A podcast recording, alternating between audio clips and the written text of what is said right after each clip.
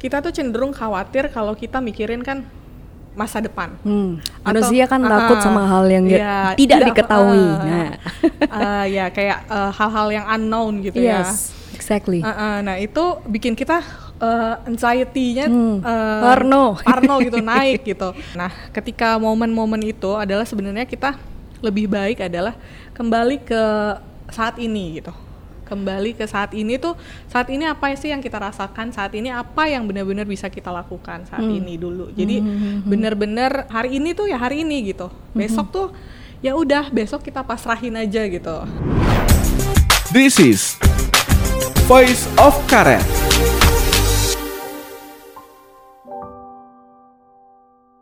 Halo sobat bisnis, kembali lagi di program Voice of Karet. Obrolan ringan awak redaksi langsung dari Karet Tengsin, markas besar bisnis Indonesia. Nah, kali ini sama saya Wike di Tayar Linda nih. Wike, panggil saja saya Wike. Saya di bisnis Indonesia itu mengampu desk sektoril. Jadi kayak isu-isu perdagangan, industri, jasa, tenaga kerja itu sama saya. Nah, saya nggak sendirian nih kali ini. Saya temani oleh rekan saya Hadijah Halaidrus. Halo, halo sobat bisnis, halo Ike, terima Hai. kasih eh, sudah menyempatkan waktu. Ya, nice to have you here. Ya. Jadi DJ, eh, kamu bisa perkenalkan dulu. Mungkin kamu di bisnis pegang apa sih? Oh iya iya iya. Eh, tadi eh, Wike manggil saya kan DJ ya. Sebenarnya nama saya tuh Hadijah Alaidrus. Tapi karena kepanjangan Hadijah Hadijah akhirnya dipanggil sama teman-teman dari mulai kuliah sih sebenarnya dipanggilnya DJ. Kayak disc jockey, bukan bukan bukan, bukan. DJ aja karena manggilnya Dijah Dijah Dijah jadi singkatnya DJ gitu. Saya di bisnis, saya di bisnis eh, saya di bisnis.com kebetulan eh, saya mengampu eh, kanal eh, finansial khususnya makroekonomi dan makro eh, dan ekonomi global. Hmm, oke oke oke. Jadi yang makro-makro ya. Kita ngomongin hal-hal yang relevan aja ya dengan Relevan. Eh, dengan saya rasa juga sobat bisnis juga semua pasti mengalamin, kamu dan aku pasti Ya. mengalamin. Kita flashback sedikit Oh, 2020. Tapi Eh, belum ganti tahun nih. belum ganti. Kita flashback dulu ini. Flashback. 2020 kita nggak bisa mungkiri lah ya ini Iya. tahun yang challenging. Saya nggak mau bilang berat sih, mungkin nggak semua orang merasakan beban beratnya, tapi nggak bisa dibukurin mungkirin ini challenging. Iya. Kita bisa merasakan 2020 tuh praktis cuman Januari Februari ya. Iya betul. Mm-mm. Nah, eh, kalau di Surabaya itu teman-teman saya bilang kayak 2020 itu cuman Januari Februari sisanya klumbrak klumbru. Apa itu? Kelebrak kelebrak. klumbrak klumbru itu luntang lantung nggak ada kerjaan. ongkang ongkang. Nah, dari 2020 ini eh, kita tahu sama-sama ini periode yang unprecedented Ah, untuk iya, semua orang di dunia, Iya. termasuk DJ sama saya Iya juga. betul. Eh, kalau boleh direkap nih, apalagi DJ setiap hari menghadapi berita-berita seputar apa pun yang terjadi di Indonesia. Eh, kamu memandang dan menyikapi 2020 ini seperti apa sih? Ini udah penghujung tahun, kita rekap dikit lah.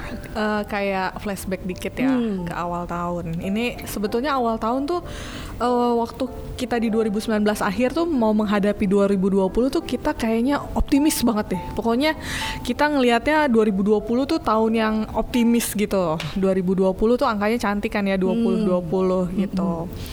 Eh, terus eh, di satu bulan dua bulan pertama tuh kita masih oh iya ada si kecil itu si covid. Waktu itu namanya belum belum ada nama ya belum ditemuin Virus nama itu si corona. corona virus dari Cina gitu. Eh, dan lama kelamaan ini kayaknya serius nih covidnya ya. Iya. jadi eh, sejalan dengan eh, pandeminya juga makin serius penyebarannya juga makin meluas akhirnya optimisme itu tergerus tergerus. Nah, jadinya kita yang tadinya mungkin teman-teman eh, udah pengen berencana di 2020 tuh mau ngapain aja. Mungkin ada yang mau uh, mulai uh, karir baru atau mau mulai usaha ya, mulai usaha. Terus ada juga yang mungkin mau mulai kuliah lagi atau lain sebagainya atau juga mungkin mau traveling gitu eh semua harus berhenti, semua harus masuk kandang, harus di rumah gitu. Hmm. Nah, belum lagi ada kabar yang gak enak banget kayak PHK, terus kita juga ada beberapa korban jiwa ya karena COVID. Itu yang bikin kita juga optimismenya juga makin lama makin turun gitu. Nah, buat saya sendiri sih di awal-awal tuh uh, shock gitu. Di awal-awal ada perasaan emosi yang kayak marah nggak terima gitu. Karena saya harus di rumah. Biasanya kita kan sebagai jurnalis sering ke mana-mana nih. Sering keluar ketemu orang dan lain sebagainya. Terus harus di rumah tuh rasanya terkekang. Uh, ya gitu, rasanya kayak terkekang. Nah, Jiwa sosialita memberontak.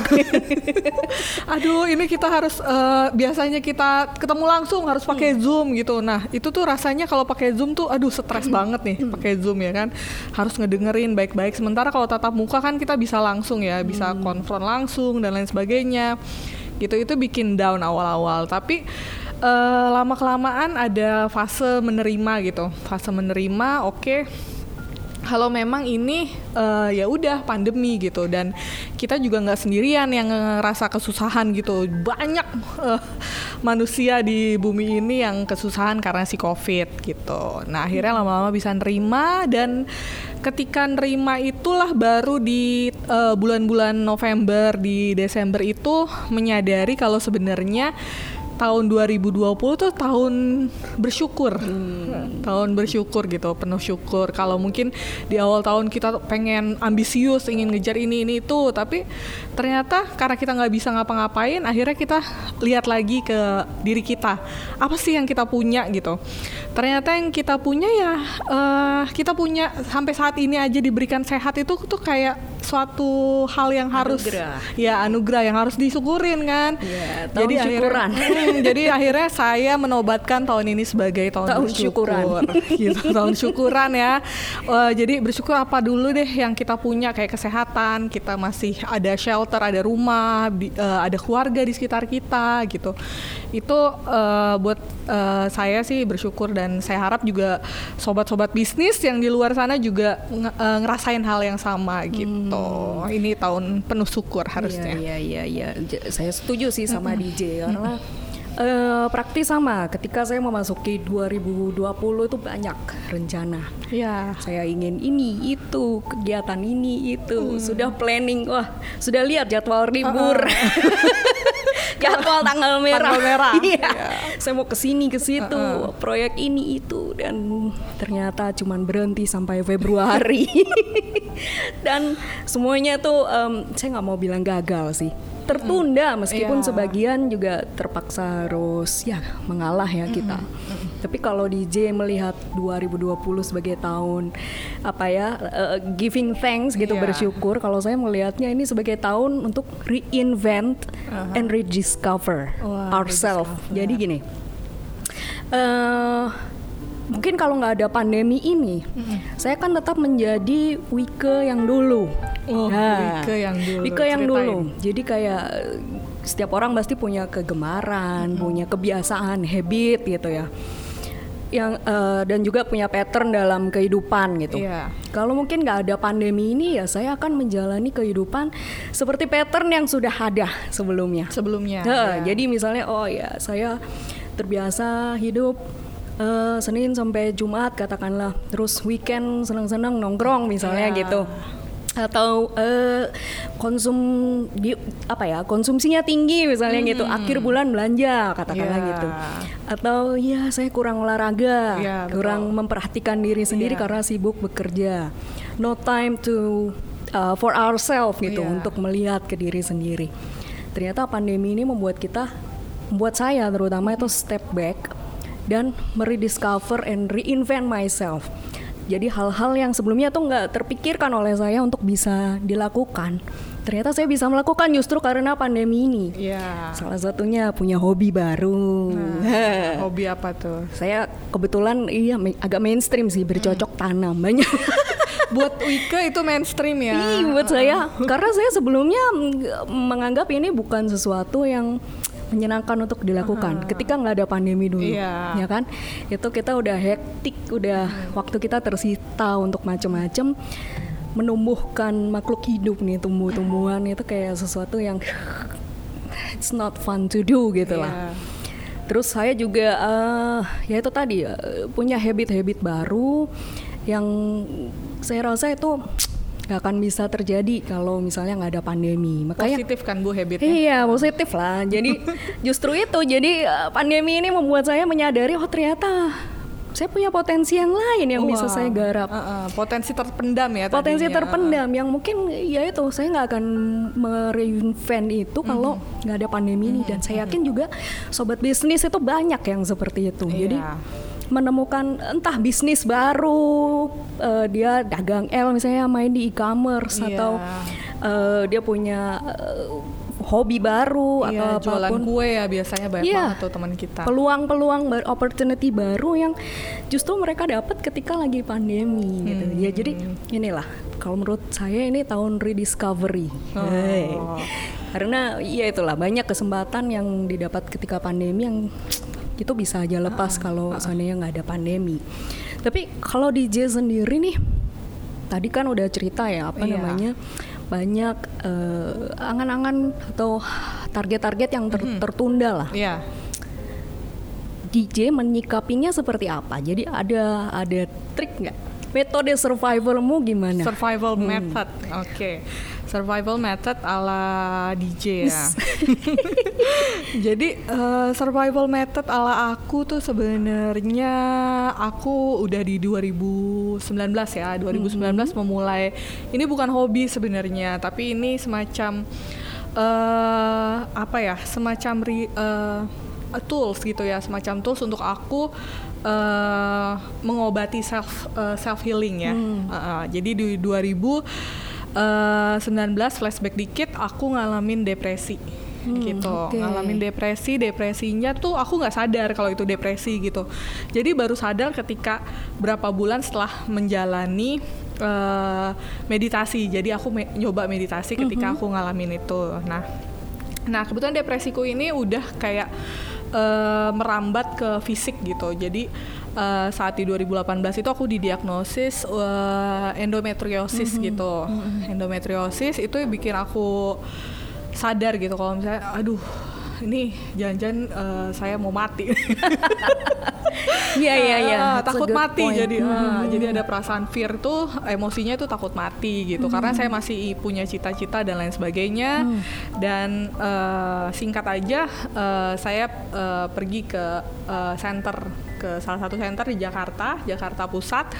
Saya memulai meditasi saya gitu memulai eh, perjalanan self healing saya gitu di sana. Nah saya nyoba meditasi dari meditasi apa yang saya dapetin saya dapetin banyak banget. Jadi bukan cuma ternyata saya bukan nyembuhin eh, penyakit saya aja gitu tapi juga saya menyembuhkan pola hidup saya. Menyembuhkan pattern menyembuhkan old eh, belief system saya yang menurut eh, akhirnya setelah saya tahu itu nggak align sama apa sama eh, garis yang benar gitu ya nggak align gitu. Maksudnya ini eh, satu eh, belief system yang eh, negatif gitu.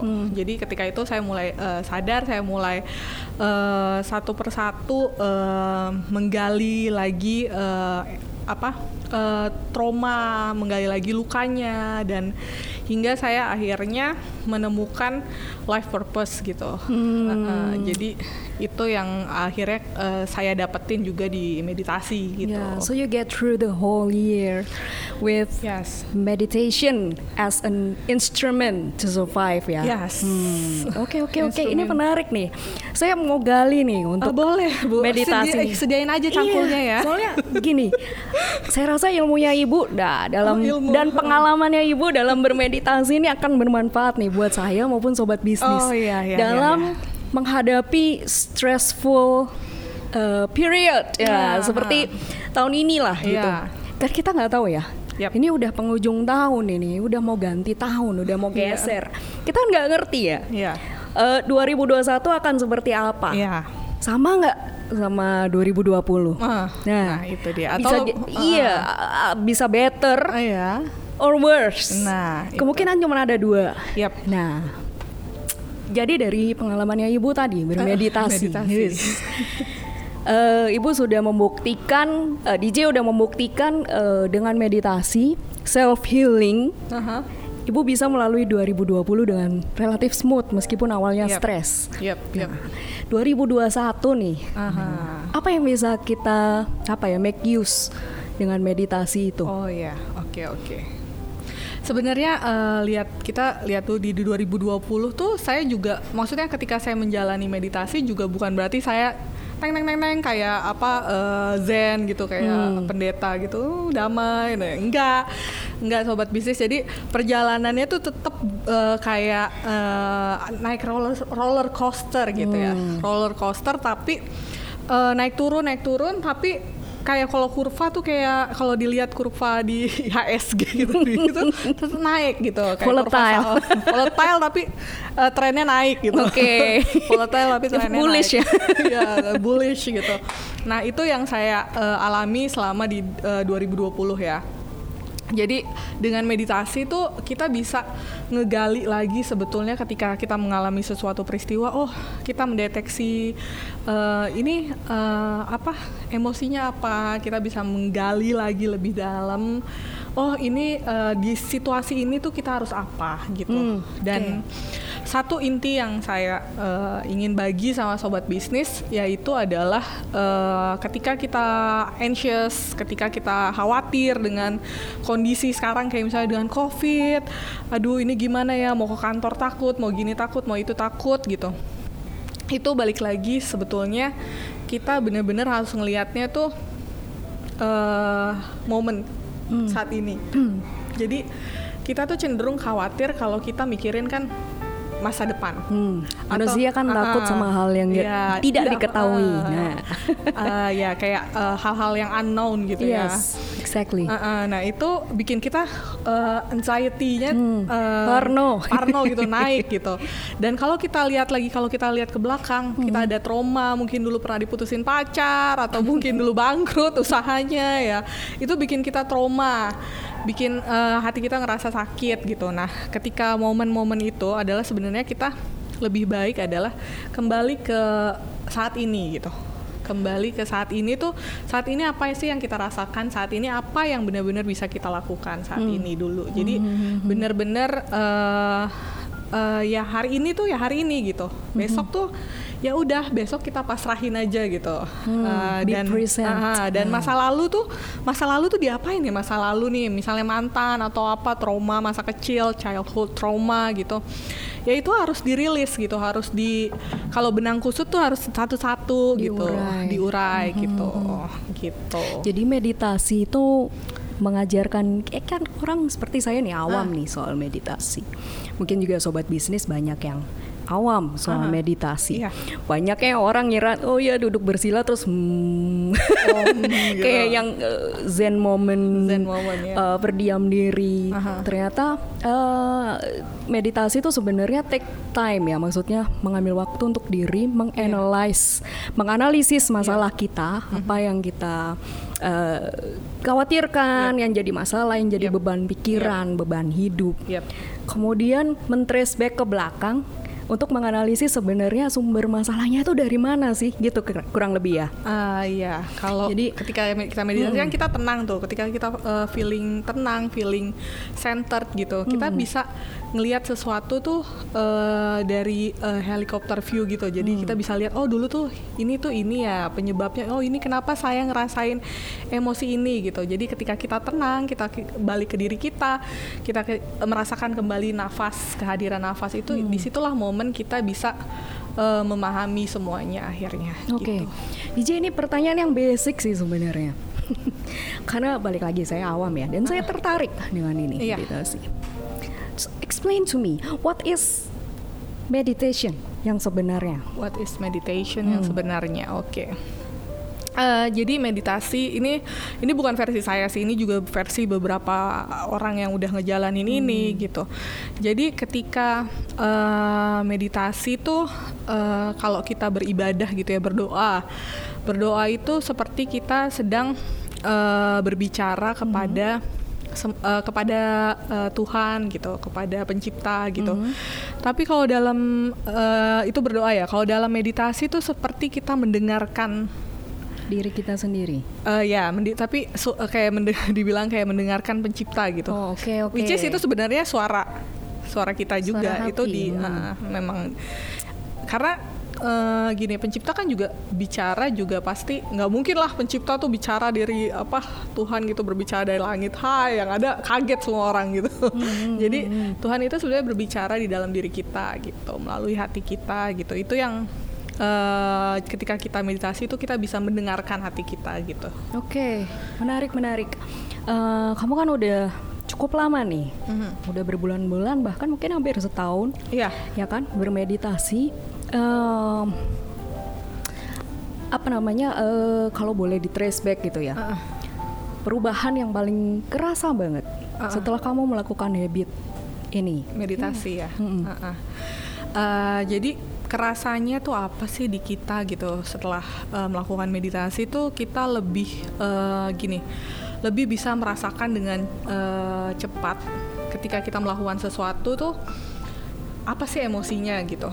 Ketika kita lagi bekerja gitu, ketika kita eh, ngalamin stres, itu apa sih sebetulnya akar dari stres itu gitu? Karena bisa jadi stres itu dipicu sama hal-hal lain gitu yang kadang-kadang kalau kita lagi hektik tuh kita nggak nggak nggak kerasa gitu itu apa sebenarnya gitu. Itu sih yang paling paling apa ya paling berasa tuh ketika eh, sudah menjalani meditasi ya. Terus eh, lainnya adalah kita jadi lebih bersyukur. Hmm. Kalau dulu mungkin kita nggak, kalau dulu ya aku mungkin taking for granted eh, soal napas, soal badanku, soal kesehatanku, eh, teman-teman dan lain sebagainya gitu. Tapi ketika meditasi saya lebih eh, bersyukur gitu ya. Bahkan untuk eh, ke diri sendiri pun saya tuh nggak pernah ngucapin terima kasih untuk diri sendiri. Oke. Gimana nih sobat bisnis pernah nggak ngucapin terima kasih ke diri sendiri kita padahal kita tuh padahal sering gitu ya kalau ketemu orang tuh eh, kita apa terima kasih ya misalnya terima kasih Wike Iya, terima ini kasih saya sambil analyzing myself and gitu Heeh. eh, flashing back. Ah, tapi Sama ini udah ini belum. udah uh, uh, tapi bilang terima kasih uh, like uh, literally mention it to your body kan jarang ya misalnya Hmm. Terima kasih terhadap diri uh, sendiri. makasih kepala makasih rambut Oke. uh, kaki gitu itu tuh uh, apa? Nggak pernah kayaknya. Baru baru di 2019 itu saya bilang terima kasih sama badan saya. Padahal badan saya ini udah bekerja dengan uh, giat ya. Kaki itu udah jalan ke mana ribuan kilometer gitu ya. Nah itu kita nggak sadar gitu. Dan di meditasi itu kayak kita disadarin lagi oh iya kita harus uh, grateful gitu. Oke. Ah, dengan berterima kasih, giving thanks to yourself ya, dengan dirimu sendiri. Kamu mensyukurin napasmu, kamu mensyukurin kesehatan, kemudian oh eh, terima kasih untuk apa pun lah. Eh, ya balik lagi eh, perubahan apa yang paling besar yang kamu rasakan dalam melalui 2020 ini? Oh iya. Eh, jadi tadi kan eh, aku sempat bilang kalau di awal-awal tuh yang stres ya. Dan saya rasa juga penduduk di bumi ini juga ngalamin itu gitu awal-awal stres. Tapi eh, saya bersyukur adalah stres itu juga tidak lang kalau dulu mungkin sebelum saya meditasi itu bisa saya turun gitu ya swing di eh, di tingkat di level yang paling rendah udah saya nggak bisa ke mana-mana tuh bisa udah eh, lagi, susah. gitu. susah untuk kalau di ekonomi itu model kayak apa tuh kurva U kali ya? U gitu. U shape, eh, U shape gitu ya. Eh, tapi kalau saya karena saya udah eh, meditasi itu jadi kayak jat- jatuhnya jadi kayak Nike atau bahkan V Cawang. gitu ya jadi kayak eh, jadi V gitu jadi Yeah. bounce back-nya cepat Bounce banget back-nya cepet, rebound-nya cepet rebound-nya ya. cepet ya kalau Oke.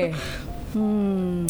Nah, ini juga sebelum kita bahas soal meditasi dan benefitnya untuk menghadapi 2021. yes saya pengen tanya.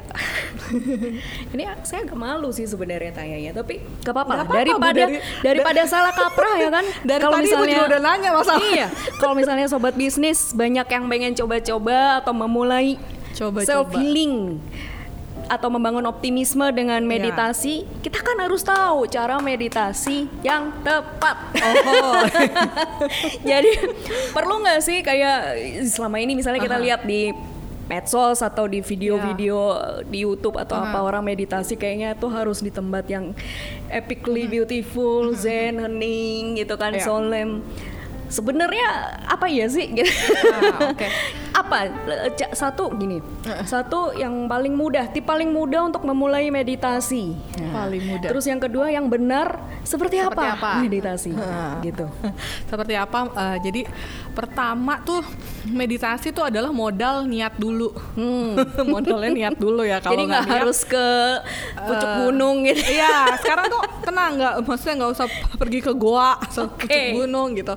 Cukup kayak misalnya sekarang eh, kalau sekarang karena pandemi jadi susah ya pergi ke center eh, medita- meditasi di Jakarta sendiri tuh sebenarnya center meditasi tuh udah banyak Hmm. dan eh, mereka tuh eh, yang nggak apa ya, bukan yang terkait religius gitu. Oke. Udah banyak yang kayak gitu gitu. Nah, eh, jadi eh, tapi karena pandemi kan mereka tutup ya, otomatis mereka beralih ke online kayak ya kayak pada umumnya gitu. Akhirnya orang pakai Zoom dan lain sebagainya dan meditasi pun juga gitu. Jadi eh, sobat bisnis tuh bisa ikutin meditasi yang eh, dari center-center tersebut melalui eh, channel online gitu atau bisa juga eh, ke YouTube. Semua sekarang apa aja ada di YouTube ya ibu-ibu mau masak kue, mau ngapain gitu ya itu ada di YouTube semuanya dan Harus ada guide-nya dulu ya, Ya. berarti kalau Ah, mau baiknya mulai. ada guide-nya dulu gitu. Oke. Mm-mm. Terus eh, apa sih yang harus disiapin ya selain si komitmen itu gitu ya? Yang harus disiapin adalah ketika kita eh, meditasi itu sebaiknya eh, dilakukan di pagi hari. Oke. Ah, ah, di pagi hari atau eh, nggak boleh ya setidaknya jam sebelum tidur tuh boleh tapi jangan terlalu malam ya karena malam tuh capek ya badan kita gitu. Eh, yang ada kita bukan meditasi malah tidur gitu. nah kebablasan gitu tidur. Oke. Nah jadi itu yang di, eh, waktunya dulu dipilih dengan eh, baik gitu. Disarankan pagi ya. Ya, saya ya saranin tidur. pagi gitu. Oke. Kenapa itu? Sebelum- Selain karena masih fresh, Iya, ada karena- pertimbangan lain mungkin? Karena kan pagi tuh kita belum mulai apa melakukan apa-apa ya. Oh. Kita butuh kayak eh, butuh booster gitu. Nah, Oke. itu Oh, bisa iya, lewat menarik, meditasi menarik. gitu. Oke, oke. Nah, terus kalau di rumah tuh eh, bisa nyediain karena meditasi tuh ada eh, apa eh, grounding eh, grounding momennya gitu. Eh, jadi kita bisa sediain eh, bantal kecil gitu. Mm. Heeh, tapi eh, bantal kecil itu sebelumnya di eh, alasin karpet atau kain gitu baru bantal gitu. Karena Oke. eh, kita juga butuh ketika meditasi itu kita harus bersih gitu ya. Nggak mungkin kan kita meditasi di tempat yang kotor atau eh, berdebu dan lain sebagainya gitu. Yang penting kan ketika meditasi tuh bersih dan nyaman gitu.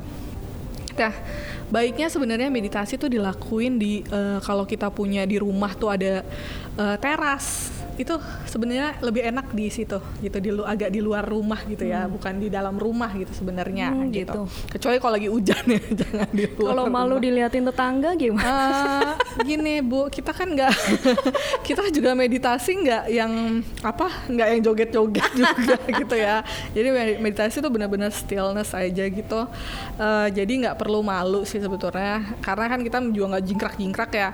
Eh, nah itu sediain aja waktu kayak sebetulnya bisa dimulai dari lima menit loh. Lima Meditasi 5 Aha. menit cukup, bisa. Ya bisa, gitu. Yang penting ketika lima menit itu adalah kualitasnya. Hmm, oke. Jadi bukan durasinya gitu. Uh, itu bisa tuh lima menit sampai uh, 20 menit sih sebetulnya yang pagi gitu. Jadi uh, karena itu akan uh, jadi golden uh, golden uh, apa? Golden period gitu ya di sehari itu gitu. Jadi itu manfaatin untuk uh, kita uh, meditasi itu di dalam meditasi kita bisa bersyukur, kita bisa apa centered gitu ngerasain lagi diri kita tuh melalui nafas gitu. Biasanya pagi-pagi itu. Nah, eh, untuk posisi gitu atau eh, melakukan meditasi yang benar adalah eh, kita duduk sila gitu ya.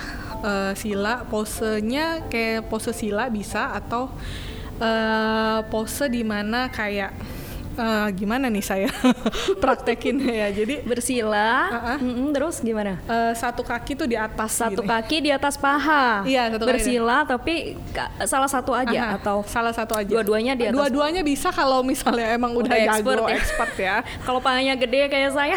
Iya lebih baik Susah. Oh, kalau misalnya gini, kalau ada yang eh, susah gitu ya, mungkin eh, paha Hmm. besar atau i- apa kurang nyaman karena bentuk badan gitu ya. Jadi kita juga bisa sebenarnya sambil duduk, gitu. Sambil duduk, tapi ini nggak boleh nempel ya. Punggung tidak Punggung boleh, nggak nempel, bernyandar. Hmm, nggak boleh nyandar. Terus dia gitu, eh, kaki tuh harus menginjak ke bumi Menapak gitu kan. tanah. Menapak tanah, Oke. jangan melayang. Pakai alas kakinya. Nggak usah, nggak usah Oke, pakai alas oke. kaki, nggak apa-apa. Jadi telanjang kaki, Boleh. duduk dan tidak menyandar. Aha. Itu kalau nggak bisa Iya. bersila itu tadi ya. Aha. Kalau bersila, kakinya menyilang, tela- eh, kakinya salah Aha. satunya di atas paha. Iya, gitu. Oke oke, gitu. siap siap siap.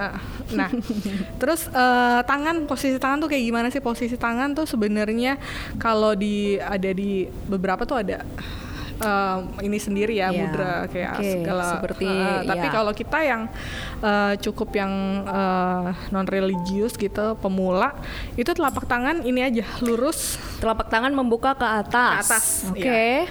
lurus meng- eh, telapak tangannya ke atas Eh, dan ini eh, seluruh badan tuh nggak usah kaku gitu ketika Relax. relax Jadi aja badan gitu. relax, pundak Ah, relax, relax leher ah, semuanya. ah. Tangannya di mana? Di Eh, paha. tangannya di sini dengkul ya Oh di lutut. Ah, di dengkul gini gitu Oke. kalau kita duduk juga menghadap ke atas, Ah, gini. diletakkan di atas uh, paha, paha bawah dengkul, ya. Jadi uh, di atasnya lutut gitu, kurang Yes. lebih sobat bisnis. Nah ini uh, keep position kayak gini ya, maksudnya tangannya. Terus nanti uh, kita menengadah ke atas gitu kepalanya, um, uh, kayak ngelihat ke atas gitu, 45 derajat ya. Iya. Tutup mata? Uh, tutup mata. Dan awal-awal tuh kita harus mulai sebelum meditasi tuh kita set intention sih biasanya. Pagi tuh kita mau ngapain, uh, melalui meditasi ini apa yang ingin kita uh, gali atau ingin kita uh, terima atau ingin kita lepaskan gitu. Make a wish. Make a wish gitu ya. Karena setiap eh, apa aktivitas kita tuh pasti selalu ada intensinya kan. Iya. Kita mau makan, minum tuh karena kita aus atau lapar gitu ya. Nah, kita set intention and then eh, kita mulai dengan eh, tarikan napas gitu. Napasnya dari hidung. Hidung, mhm. Heeh, Tarik rasain napas tarik dari dari hidung sampai ke perut. Jadi tahan di perut udaranya. Ditahan di perut. Ini kayak Eh, senang body language. Iya.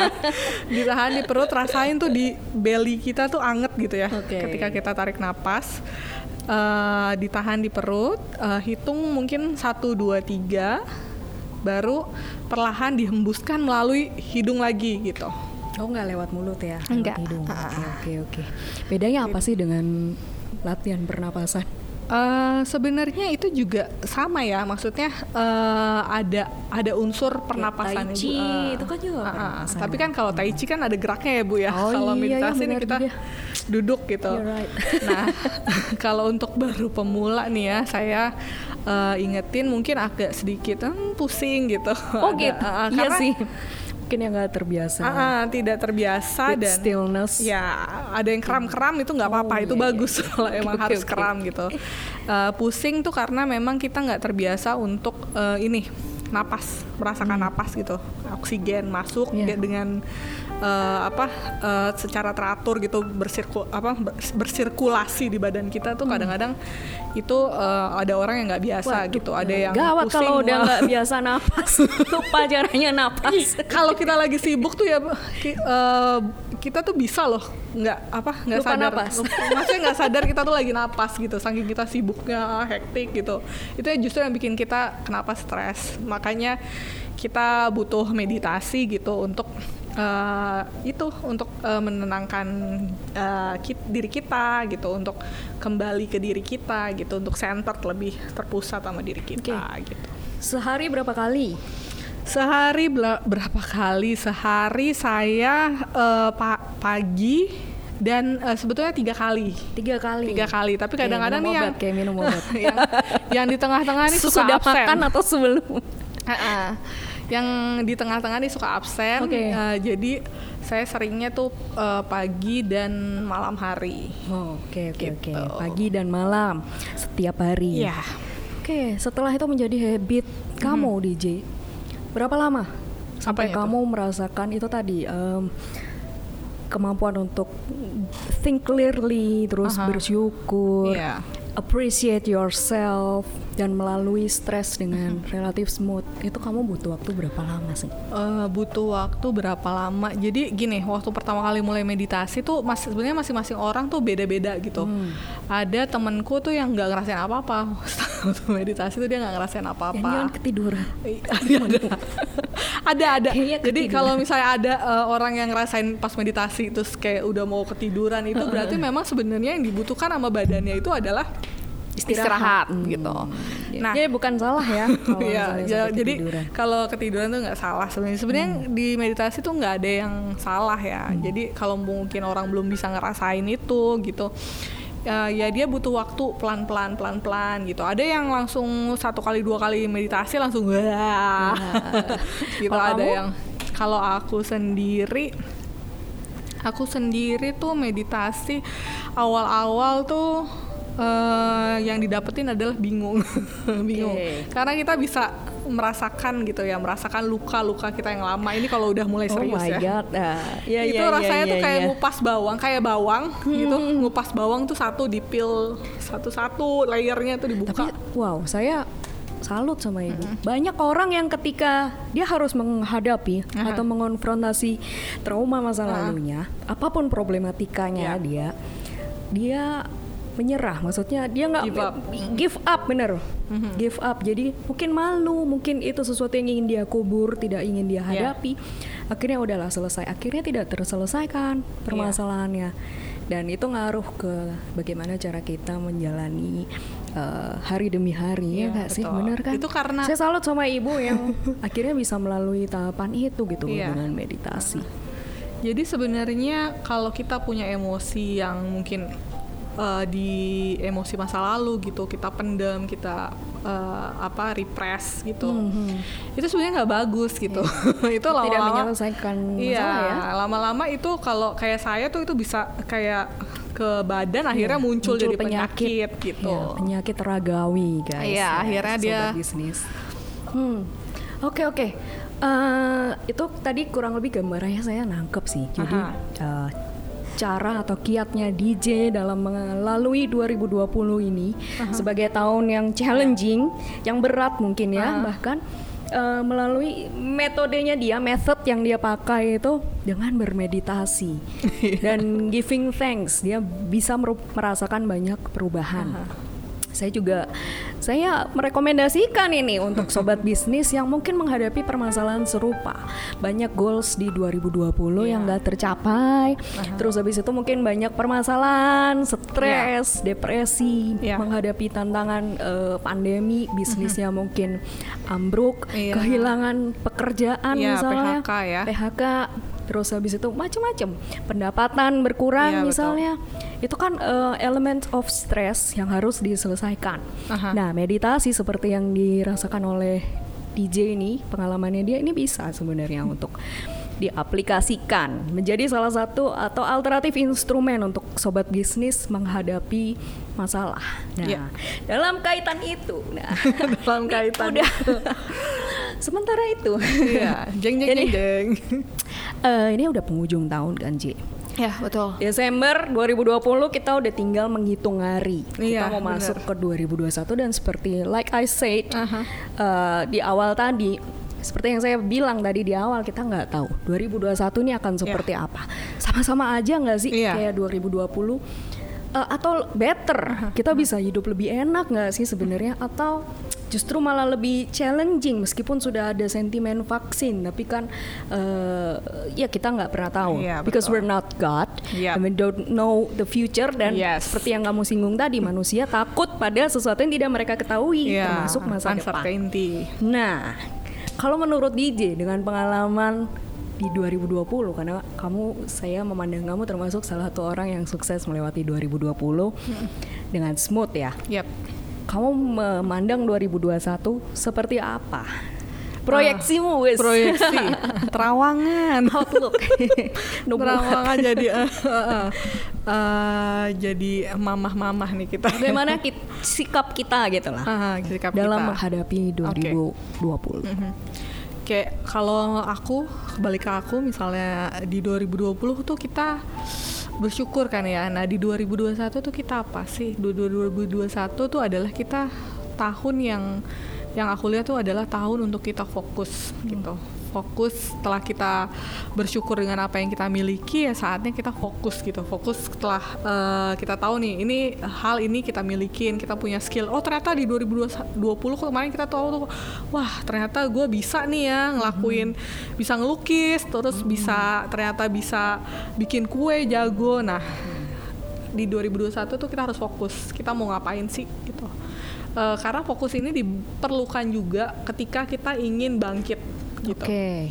bangkit itu eh, pasti kan kalau kita mau bangkit tuh kita eh, bikin kayak planning dong Ya. bikin planning bikin arah bikin ya, peta jalan gitu Oke. Nah kita harus fokus sama itu. Saatnya untuk eh, apa ya kayak me- menarik diri dan benar-benar melihat ini oh loh, oh ini eh, peta jalanku, oh ini eh, planningku gitu. Eh, meskipun memang eh kita kayak nyemplung gitu into the unknown gitu ya kayak ke eh, kayak ke apa keti- ke menyemplung ke ketidakpastian gitu Nah itu tapi kita tetap harus fokus gitu. Fokus kita goalnya apa sih? Apa yang kita miliki sekarang tuh apa sih skill kita gitu. Kita mau bangkit tuh gimana sih kita bangkit dengan skill kita ini gitu. Jadi that's why eh, sa- saya ngerasa tuh kayaknya penting eh, buat kita tuh untuk eh, nyusun planning di 2021. Nyusun resolusi apa sih yang mau kita eh, capai tahun di 2021 gitu. Eh, karena t- ketika kita eh, pergi ke hutan ketidakpastian, Kulari ke hutan. lari ke hutan yang gelap, nggak ada ini ketidakpastian. Ya yang bisa kita pegang kan diri kita sendiri ya.